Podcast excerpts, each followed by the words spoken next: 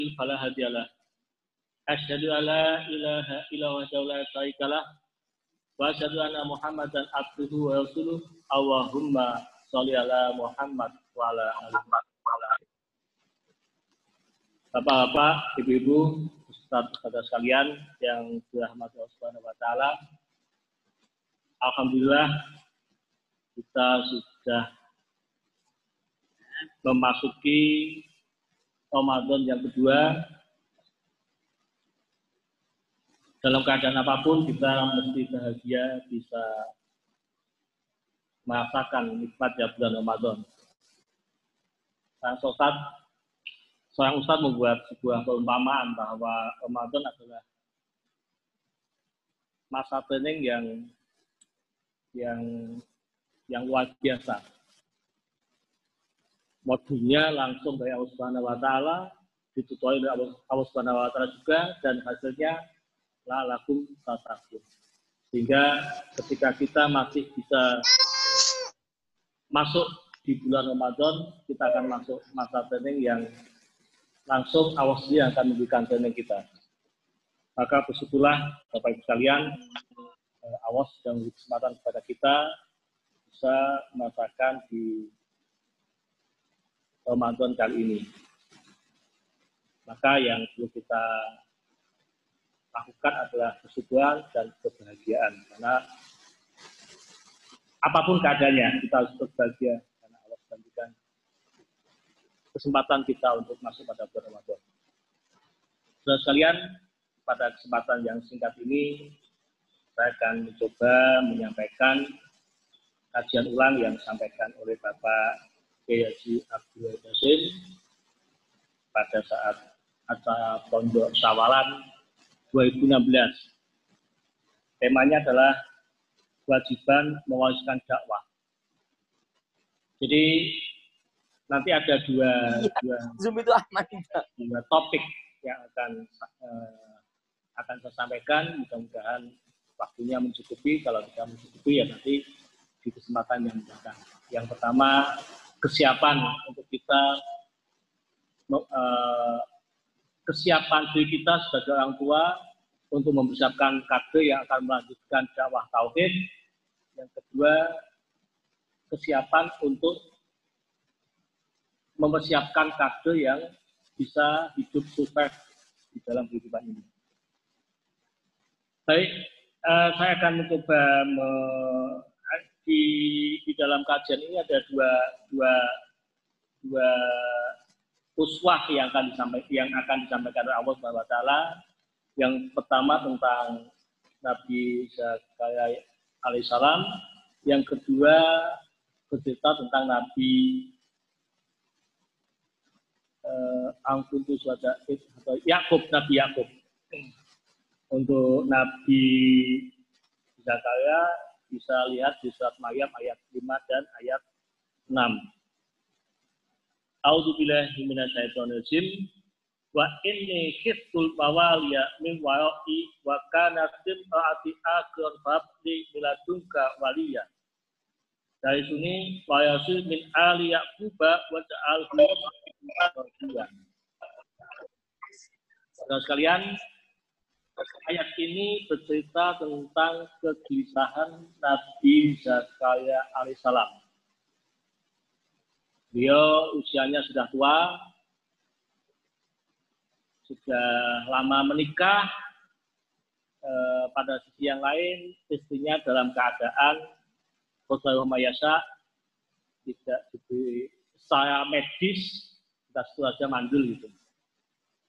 Sehingga secara hitung-hitungan sunatullah tidak mungkin memiliki seorang putra atau memiliki keturunan. Sedangkan Nabi adalah seseorang yang punya idealita, Idealitanya apa? Menyampaikan risalah tauhid kepada masyarakat. Menyampaikan risalah tauhid kepada umat. Tentu saja ya. ini kegelisahan yang luar biasa. Ketika seorang mempunyai idealitas tauhid akan tetapi secara sunatullah sekali lagi tidak diberi kesempatan oleh Allah untuk eh, pada saat itu kenyataan yang dihadapi oleh Nabi dan keluarga Nabi Zakaria adalah istrinya mandul, sedangkan beliau dalam keadaan usia sudah tua. Ini kegelisahan yang luar biasa. Yang jadi problem adalah siapakah yang nanti akan meneruskan risalah, siapakah nanti akan meneruskan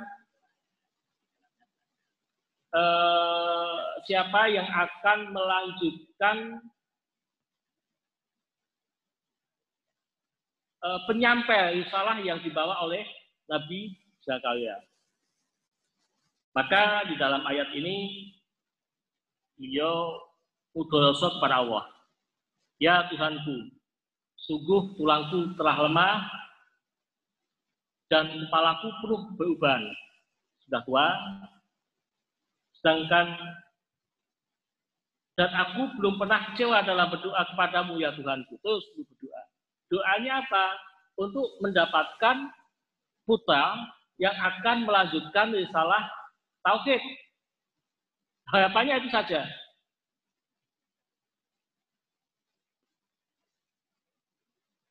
Wa ini kitu mawali min, maaf.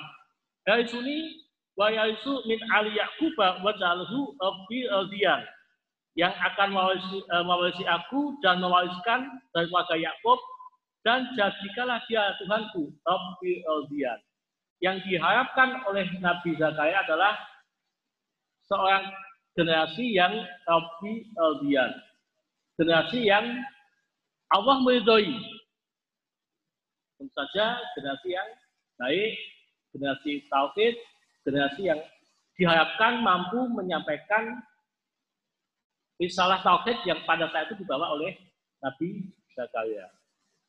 Singkat cerita, akhirnya terus Nabi tidak pernah berhenti berdoa, kemudian bagi Allah apalah yang tidak mungkin untuk kemudian Allah memberikan wahyu untuk uh, diberilah seorang putra Bahkan Allah sendiri yang memberi nama kita sebut lahirlah Yahya alaihissalam. Seorang laki-laki yang kuat, seorang laki-laki yang pintar, seorang laki-laki yang mempunyai kemampuan otak dan fisik yang luar biasa. Kenapa Allah mempersiapkan seorang Yahya untuk uh, uh, ya Yahya alaihissalam yang dipersiapkan Allah untuk menghadapi umatnya yang pada saat itu luar biasa di dalam urusan kemusikan. Tadi saya sempat sedikit baca-baca tentang Nabi Yahya yang dihadapi adalah Raja Herodes, kalau nggak salah ya. Raja. Yang pokok masyarakat pada dan masyarakat musik. Itu yang pokok. Dan secara kenyataan, dalam setiap generasi, dalam setiap masa, Nabi diutus itu untuk mengoreksi, untuk meluruskan, untuk membenarkan agama yang pada saat itu diyakini oleh umatnya. Uh, saya lupa ya ayatnya ya. Kalau nggak salah surat An-Nahl. Falakot Ba'athna fi kulli umat rasulan ani butuha buat tanipun togut. Itu misi Nabi itu. Pada setiap kaum pasti aku akan aku utus seorang nabi yang mengajak anik butuha untuk beribadah hanya kepada Allah saja, buat taniput togut dan menjauhi togut menjauhi penyesat, menjauhi apa-apa yang menyimpang dari jalan Allah. Baik saya akidah maupun saya syariah. Menyimpang saya akidah adalah syirik, menyimpang saya syariah adalah mereka tidak mengikuti apa-apa yang menjadi ketentuan Allah Subhanahu wa taala. Jadi jika kita pada kisah di surat Maryam ayat 5 dan 6 ini Allah sedang memberikan pelajaran bagi kita betapa kegelisahan seorang bapak bernama Nabi Zakaria uh, alaihissalam yang gelisah, yang khawatir siapakah yang nanti akan melanjutkan uh, misi dakwahnya. Kenapa harus melanjutkan misi dakwah? Bapak Ibu sekalian, jadi perlu kita pahami sekalian, uh, kita perlu pahami bahwa dalam setiap masa pasti akan terjadi pertarungan ideologi antara kafir dengan uh, uh, uh, Islam dengan kafir, uh, tauhid dengan syirik itu pasti, itu selalu. Nabi membawa kebenaran, Nabi membawa risalah tauhid berhadapan dengan kaumnya yang dia syirik, berhadapan dengan kaumnya yang dia menyimpang dari aturan Allah. Itu selalu begitu. Maka ketika dalam sebuah kaum sudah tidak ada lagi mereka yang menurut tentang kebenaran, dalam sebuah kaum sudah tidak ada lagi kelompok atau sudah tidak ada lagi masyarakat atau sudah tidak ada lagi tokoh yang mengajak kepada tauhid, yang mengajarkan pada nilai-nilai tauhid, apa jadinya masyarakat ini? Hukum alam akan terjadi, sunatullah akan terjadi. Ketika tauhid ini kalah, maka yang muncul ke atas adalah kemusikan. Itu pasti. Karena ya memang keduanya, kedua paham atau kedua ideologi ini tidak mungkin disatukan. Mereka akan saling memenangkan, mereka akan saling mengalahkan satu dengan yang lainnya. Maka ketika kita sebagai orang tua lengah, ketika kita sebagai orang tua abai terhadap generasi yang akan melanjutkan dakwah ini, sudah barang tentu di masa yang akan datang yang akan memenangkan pertarungan kehidupan ini adalah ideologi jihad atau kelompok-kelompok yang menentang syariat Allah.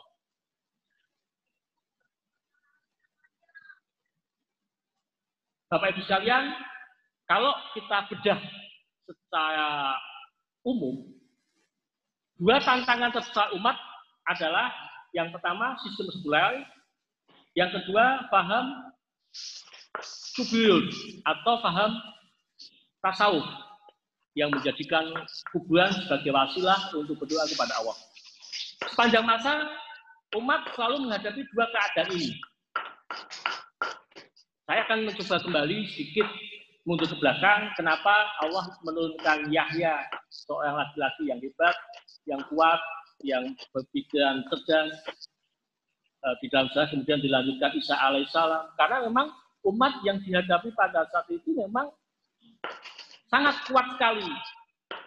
Uh, sekularinya sangat kuat paham-paham kemusikannya juga sangat kuat maka uh, Allah buat skenario untuk dihadirkanlah Yahya toh demikian juga kalah. Uh, dalam sejarah adanya Yahya dibunuh mati. Eh, kalah dibunuh oleh sang penguasa. Dengan dalil dia uh, uh, kalau kita lihat ya melawan agama yang diyakini oleh masyarakat pada saat itu kalau saat ini ya yang biasa kita dengar adalah dia um, menentang kebiasaan-kebiasaan masyarakat kita atau budaya-budaya masyarakat kita.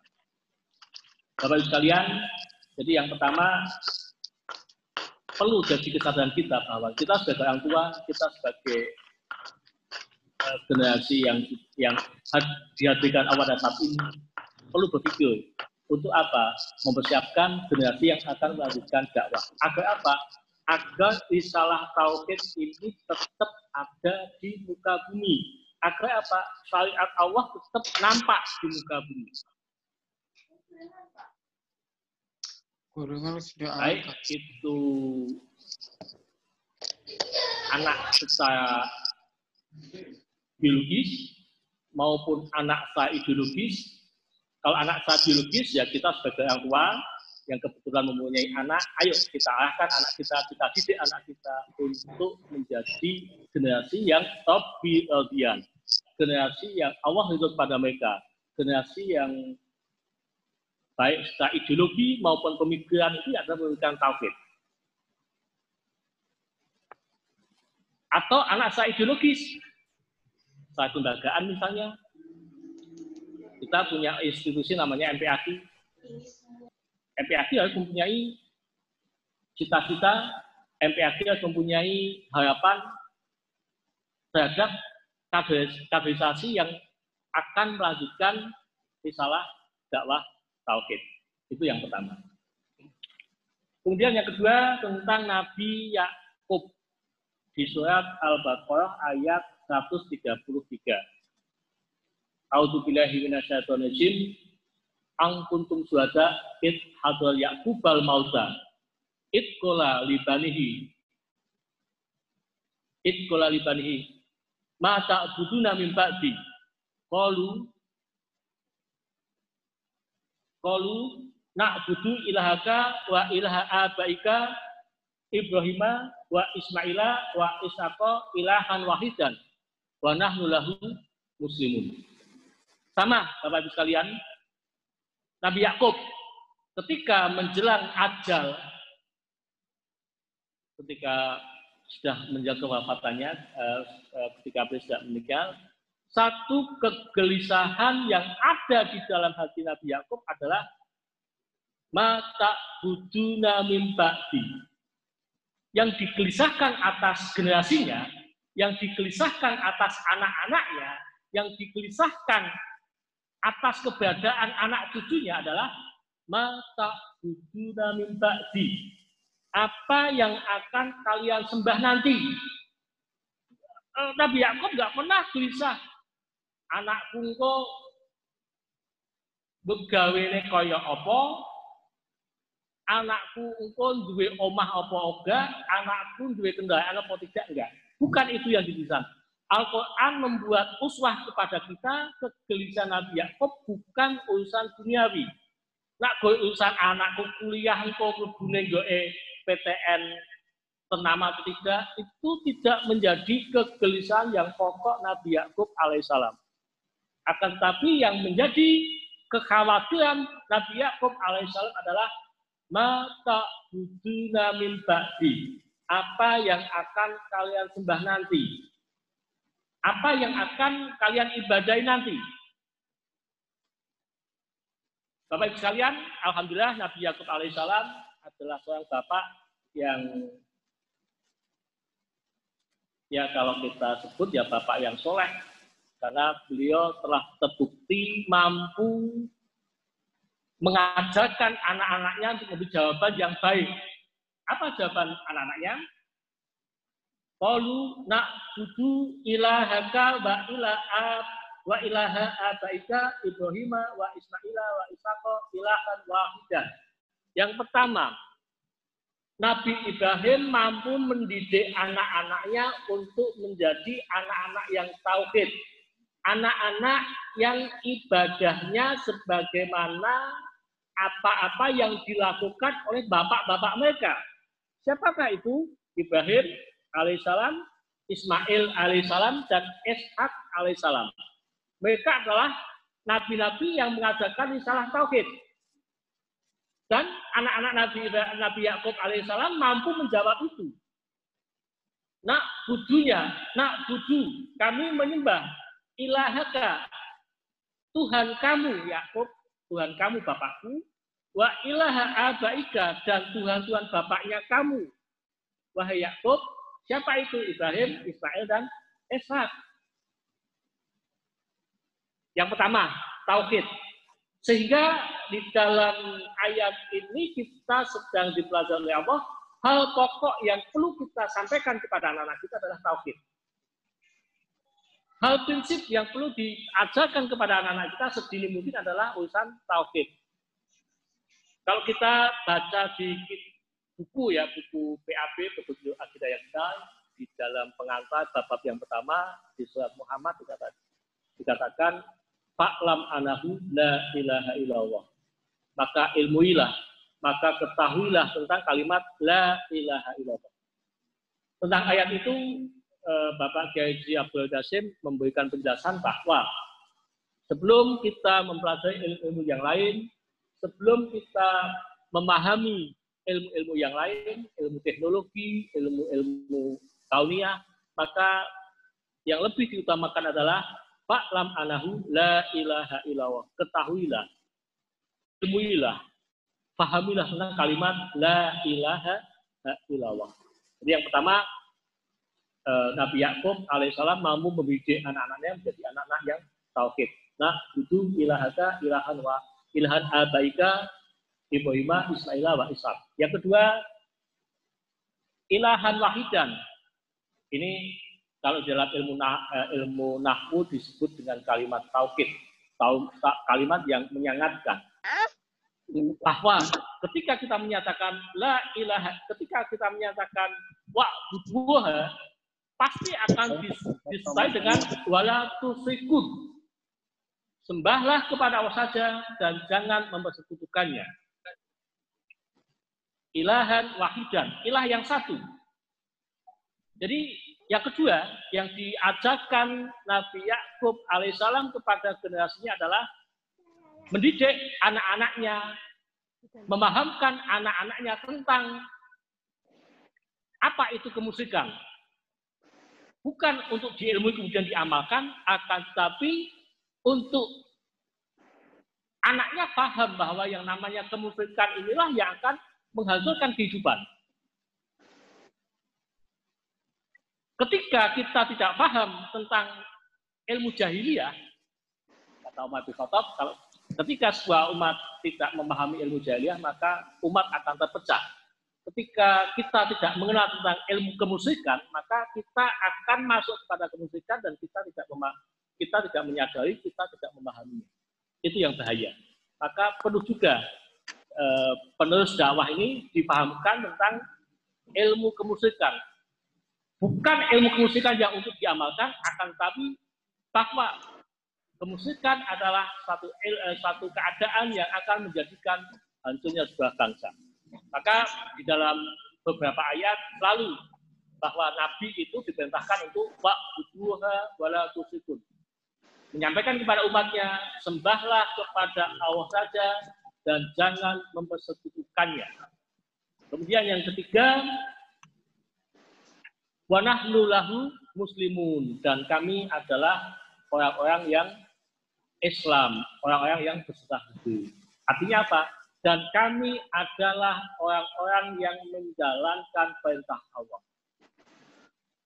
Jadi di dalam ayat ini ada tiga hal yang di yang menjadi pokok ajaran Nabi Yakub pada anak-anaknya. Yang pertama ilmu tauhid, kemudian tidak syirik, yang ketiga adalah menjalankan pokok-pokok syariat Islam. Maka kalau kita simpulkan, paling tidak anak-anak kita yang sudah balik itu harus memahami yang pertama akidah, yang kedua pokok-pokok syariat Islam. Iya, kan nih. Wakuluman kulifa syariatan wajabah. Itu payah ya. Wakuluman kuli masyarakat wajib dalam kitab jual tauhid dikatakan setiap muslim yang mukalaf maka dia wajib memahami pokok-pokok syariat Islam. Atau setiap muslim yang mukalaf wajib memahami ilmu Islam. Ilmu Islam kalau kita bedah dua. Satu pokok, eh, akidah yang kedua pokok-pokok syariat Islam maka Bapak Ibu sekalian sudah cukup kita dikatakan sebagai orang tua yang durhaka kepada anak. Oh, ya, orang tua kok durhaka kepada anak. Biasanya anak durhaka pada orang tua. Tapi eh. bolehlah kita pakai istilah bahwa orang tua gaya-gaya orang tua lengah, abai, tidak peduli untuk mendidik, untuk menyiapkan putra putrinya baik khususnya anak saya biologis, eh, anak saya biologis untuk apa? Mengenal tauhid, mengajarkan agar tidak memahami pokok-pokok saya Islam. Bapak Ibu sekalian, sungguh menyedihkan kalau kita lihat kenyataan umat Islam saat ini. Khususnya di Indonesia, anggaplah kita ini 200 60 juta sekian umat Islam. Manalah yang mereka itu peduli kepada orang tua ya pada orang tua yang peduli kepada pendidikan anak khususnya permasalahan tentang Islam. Yang orang tua yang yang memang konsentrasi untuk sebelum anak ini paham ilmu teknologi mereka harus memahami ilmu Islam mereka mereka harus apa namanya mereka harus memaham, uh, paham juga pokok-pokok penting sekali. Di depan saya katakan hidup itu adalah kepala ideologis. Hidup adalah pertentangan antara tauhid dan syirik itu selalu.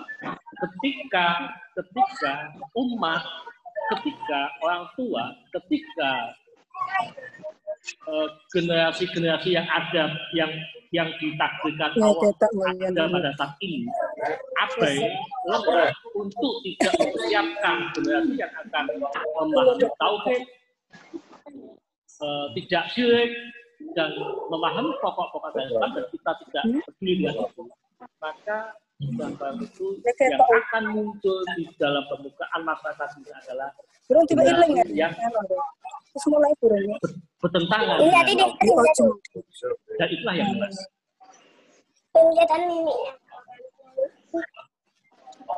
Amer Tuhan. Bapak Ibu sekalian, Nganggung anu ya? Uh, di surat ya, Maryam, Nabi Zakaria sudah uh, sudah uh, Allah sudah memberikan sebuah kisah. Yang tentang seorang bapak yang sudah tua, akan tetapi masih ada kegelisahan. Siapa yang akan melanjutkan Di surat Al-Baqarah ayat 133, Allah sedang memberikan pelajaran kepada kita tentang kegalauan seorang bapak yang ketika anda ketika anda mati, ketika Anda meninggal, yang maksudkan adalah apa yang akan disembah oleh generasi selanjutnya. Siapa dan apa yang akan disembah. Bukan yang lain, bukan permasalahan dunia, bukan permasalahan-permasalahan yang duniawi, akan tapi maka buduna minta. Maka eh, Bapak Ibu sekalian sudah menjadi keniscayaan untuk kita ini sebagai orang tua peduli terhadap anak-anak kita, terhadap pendidikan anak-anak kita, terhadap pengadaan al-Islam atas anak kita. Dua saja. Satu, akidah. Yang kedua, memahami pokok-pokok saya Islam. Jangan sampai anak-anak kita nggak memahami. Eh, kadang-kadang menyedihkan sekali ya. Berbagai contoh saya sampaikan dalam sebuah poin pada suatu ketika uh, saya itu apa maaf dulu sebelum ada corona hobi satu nganggur ya. Minum teh di angkringan uh, satu ketika di angkringan saya ketemu dengan anak.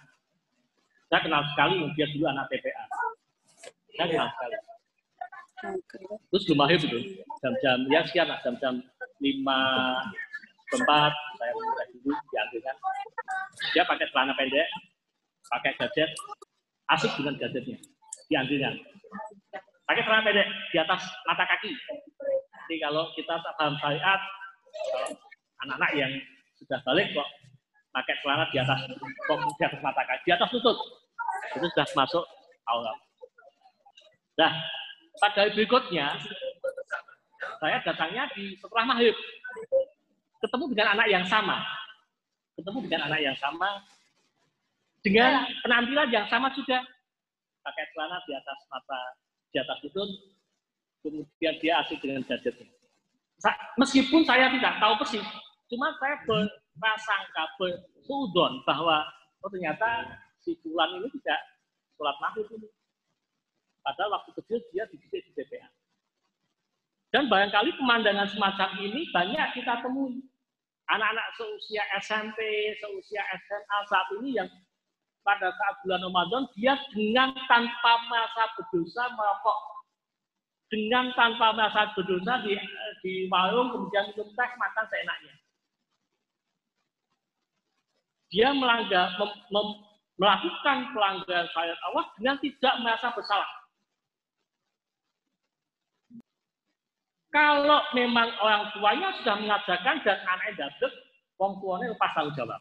Tapi ketika orang tua tidak mengajarkan anaknya tentang pokok-pokok syariat Islam, bahwa ketika bulan Ramadan nak wajib bagimu untuk melakukan untuk siam Ramadan. Orang tua lengah, maka orang tua akan diminta tanggung jawaban. Mbok menowo anaknya ketika di, di, disiapkan masuk neraka dia akan protes. Ya Allah, saya protes. Sejak kecil saya tidak pernah dididik orang tua saya untuk paham tentang pokok-pokok syariat Islam. Panggil orang tua saya Allah. Protes ya.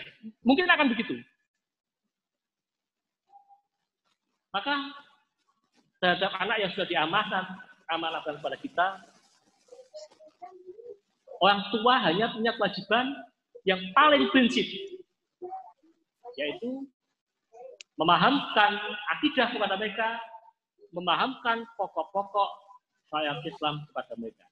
Bagaimana yang di yang dikisahkan Allah di dalam surat Al-Baqarah ayat 133 bercerita tentang kegelisahan Nabi Yakub alaihissalam.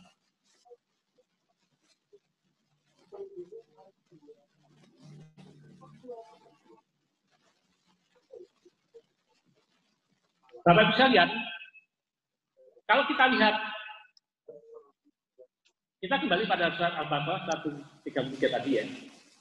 Nah, budu ilahaka wa ilaha abaika Ibrahim wa Ismaila wa Ishaqa ilahan wahidah wa nahnu lahu muslim. Kalau kita lihat kata beribadah kepada Allah itu kalimat yang mudah dipahami. Beribadah hanya kepada Allah saja. Namun setelah kenyataan banyak atau mayoritas umat Islam salah di dalam memahami ibadah. Kenapa? Ya mereka tidak mau mengilmi, tidak mau belajar, tidak mau kaji, maka dia hanya takdir hanya mengikuti apa kata lingkungan, apa kata masyarakat kita, apa kata kiainya, yang terkadang salah kita memahami makna ibadah. Ibadah hanya dipahami tentang hanya dipahami terbatas pada urusan-urusan ubudiyah saja. Atau bahkan ada penyimpangan.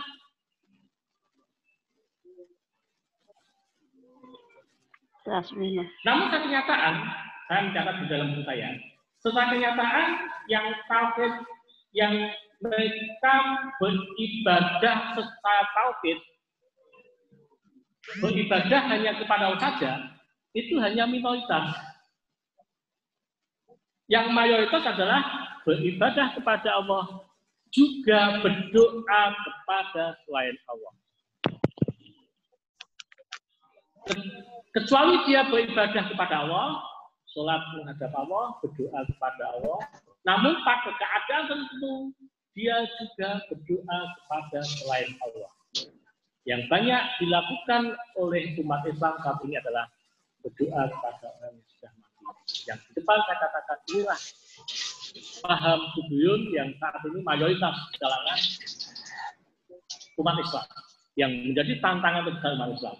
Di depan saya katakan tantangan besar umat Islam ada satu, paham Islam, yang kedua paham kubuyun. Yaitu mereka yang menganggap orang yang sudah mati, orang orang sholat yang sudah mati, mampu menyampaikan doanya kepada Allah. Dalil ini adalah wasilah dan sebagainya. Itu kenyataan. Jadi eh, apa namanya seolah-olah sudah nak butuh ilahaka menyembah hanya kepada Allah, menyembah kepada Tuhan Tuhan Allah. Namun setelah praktek umat Islam, mayoritas umat Islam banyak yang kecuali beribadah kepada Allah saja, eh, bukan saja, kecuali beribadah kepada Allah juga beribadah kepada selain Allah. Hal itu disebabkan karena ya tadi ketika orang tua lengah, ketika orang tua ape untuk mendidik anak-anaknya tentang akidah yang benar. Ketika orang tua tidak begitu peduli, bahwa menowo mayoritas orang tua saat ini yang dipedulikan adalah Soko ya sekarang sudah ada uang ya. Kalau ada uang itu bukan hanya anak yang gelisah, wong tua juga gelisah. Anakku lulus apa tidak? uh, ekstrim banget memang apa ya kontras banget ya di dalam urusan-urusan keduniaan, wong tua, orang mayoritas orang tua itu gelisah.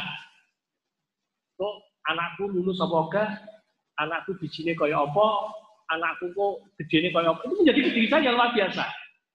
Tapi di dalam perusahaan pendidikan akidah, mayoritas orang tua tidak mempunyai kegelisahan. Ini yang perlu kita koreksi. Maka Bapak sekalian, ada kesempatan Ramadan ini tentunya kesempatan yang sangat baik untuk kita kembali mengoreksi, kembali menghisap apa eh, muhasabah dari kita sejauh mana kesungguhan kita, sejauh mana kesiapan kita untuk mempersiapkan generasi yang akan melanjutkan dakwah ini. Jangan sampai dakwah tauhid terputus, jangan sampai. Ketika dakwah tauhid terputus, maka ya sudah di situlah akan di situlah awal daripada munculnya bencana. Uh, hal yang mengherankan manusia ya. Sampai jumpa Pak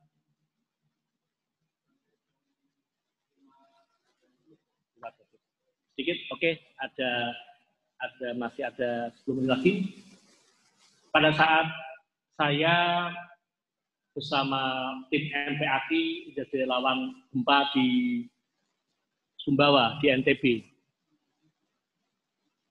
Eh, Alhamdulillah kami berkesempatan untuk sholat Idul Adha di sana. Khutbah, saya ingat sekali, khutbah yang disampaikan oleh pimpinan pondok pesantren saya lupa ya pondok pesantren Salafi di di Lombok sana di Lombok Timur dia mengatakan bahwa sumber bencana yang pokok adalah ketika umat Islam syirik, ketika umat Islam maksiat. Namun sudah cukupkah manusia sudah cukupkah bencana yang ada ini jadi peringatan bagi manusia? Ternyata tidak. Sudah dimunculkan peringatan dalam bentuk gempa, akan tetapi yang namanya kemusikan, yang namanya kemaksiatan itu tetap juga berjalan. Bahkan gempa itu mereka membuat apa? Membuat cerita-cerita yang mitos bahwa ini karena dayangnya sedang marah. Jadi yang di yang yang ada di dalam otaknya itu adalah sesuatu yang tidak ada tuntunan itu loh.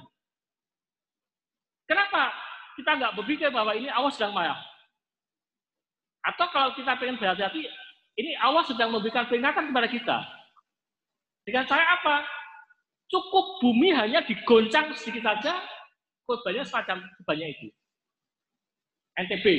Kemudian di Palu, saya nggak sempat jadi lawan, tapi saya sempat datang ke sana. Lebih dasar lagi gempa yang ada di Palu itu.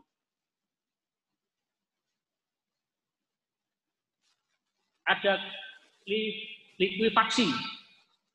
Nah, itu belum pernah ada kejadian bencana alam likuifaksi. Tiba-tiba apa tiba-tiba bumi ini mencari kemudian apa yang dalam di atas permukaan bumi ini tenggelam satu kampung. Dan ketika saya datang ke sana ke tempat terjadi likuifaksi tadi, saya omong-omong dengan eh, teman saya di Palu itu tempat tersebut adalah pusat pusat kemaksiatan judi. Jadi pusat judi itu di, di kota tersebut. Artinya apa? Ya sudah bahwa gempa ini ya sebab karena ulah manusia. Bencana ini sebab karena ulah manusia. Surat apa ya? Al-A'raf kalau nggak salah. Walau anak ahlal qura amanu wa taqula fatahna alaihim fayakati fayakati minas sama iwal Kata Allah, seandainya penduduk negeri amanu, mereka beriman, mereka bertauhid, watakor dan takwa, mereka menjalankan syariat Allah dan Allah, la fatahna alaihim bayakati minas sama iwal pasti akan aku bukakan pintu rezeki dari langit dan bumi. Dua ya, seandainya penduduk negeri amanu, iman, tauhid, tauhidnya lurus, wattaqo dan takwa, menjalankan syariat Allah, menjauhi eh, larangan-larangan Allah, janji Allah, la fatahna alaihi barakatin minas sama iwal Pasti akan aku bukakan rezeki dari langit dan bumi. Ditutup dengan ayat walakin katabu dan akan tapi umat ini mendustakan. Fa'akhotnahum bima kanu yang sibun. Maka akan aku timpakan bencana kepada mereka dari sebab apa yang mereka lakukan. Jadi ketika kita mendapat musibah, ketika kita dapat bencana, ketika kita mendapat kemudaratan, ketika sebuah masyarakat ini mendapat kemudaratan, itu bima kanu yang sibun. Kenapa? Masyarakat mendustakan Allah. Masyarakat mendustakan dua hal. Yang pertama, tidak tauhid. Yang kedua, tidak takwa. Gampang lain, nak tauhid dan takwa, janji Allah, la fatahna alaihi bayukatim minas sama wal Walakin kadabu akan tapi mendustakan, maka ya akan aku timbakan bencana. Maka Bapak Ibu sekalian, tentunya dengan keadaan-keadaan yang ada semacam ini, jadi peringatan kita. Dah, wis mbok menawa dunia iki sudah semakin tua, sudah mau habis, sudahlah uh, awake dhewe iki yang kayak slogan yang banyak ditulis oleh Pak Zarniko itu perbanyak taubat, perbanyak sodakoh, bahwa menawa itu adalah jalan untuk kita menjadi lebih baik. Kita tidak mampu, ketika Allah sudah mendatangkan bencana, Pak Akot Nahun, e, mendatangkan musibah, manusia itu tidak ada apa-apanya, tidak ada apa-apanya, tidak ada apa-apanya. Maka yang bisa kita lakukan adalah siji tobat, tobat, istighfar, banyak-banyak e, menghitung, menghisap menghisap kesalahan-kesalahan kita, istighfar, kemudian sedekah, berbuat kebaikan-kebaikan. Insya dengan dua jalan ini kita akan bisa selamat. Bapak kalian, baik e, kalau boleh kita simpulkan dari kajian ini yang pokok adalah kita sebagai orang tua atau kita saat, e, kalau kita jamaah, saat jamaah sebagai jamaah MPAD jangan apa untuk meng, untuk tidak mempersiapkan generasi yang melanjutkan apa istilah dakwah ini. Jangan sampai abe. Secara spesifik, generasi yang adalah generasi yang diridhoi oleh Allah adalah generasi yang nak budu ilahaka wa ila abaika Ibrahim Ismaila wa Ishaq. Generasi tauhid. Yang kedua, wa nahnu lahu muslimun yang beribadah hanya kepada saja, tidak syirik yang ketiga adalah mereka yang generasi yang memahami pokok-pokok syariat Islam. Inilah generasi Rabbi Eldian. Generasi yang dimimpikan oleh Nabi Zakaria alaihissalam. Generasi yang sudah mampu diwujudkan oleh Nabi Yakub alaihissalam. Demikian Bapak Ibu sekalian, Ustaz-Ustazah, apa yang dapat kami sampaikan. Mudah-mudahan bermanfaat, khususnya pada diri saya, kalau ada kesalahan mata-mata keterbatasan saya, kalau ada kebenaran hak mutlak milik Allah.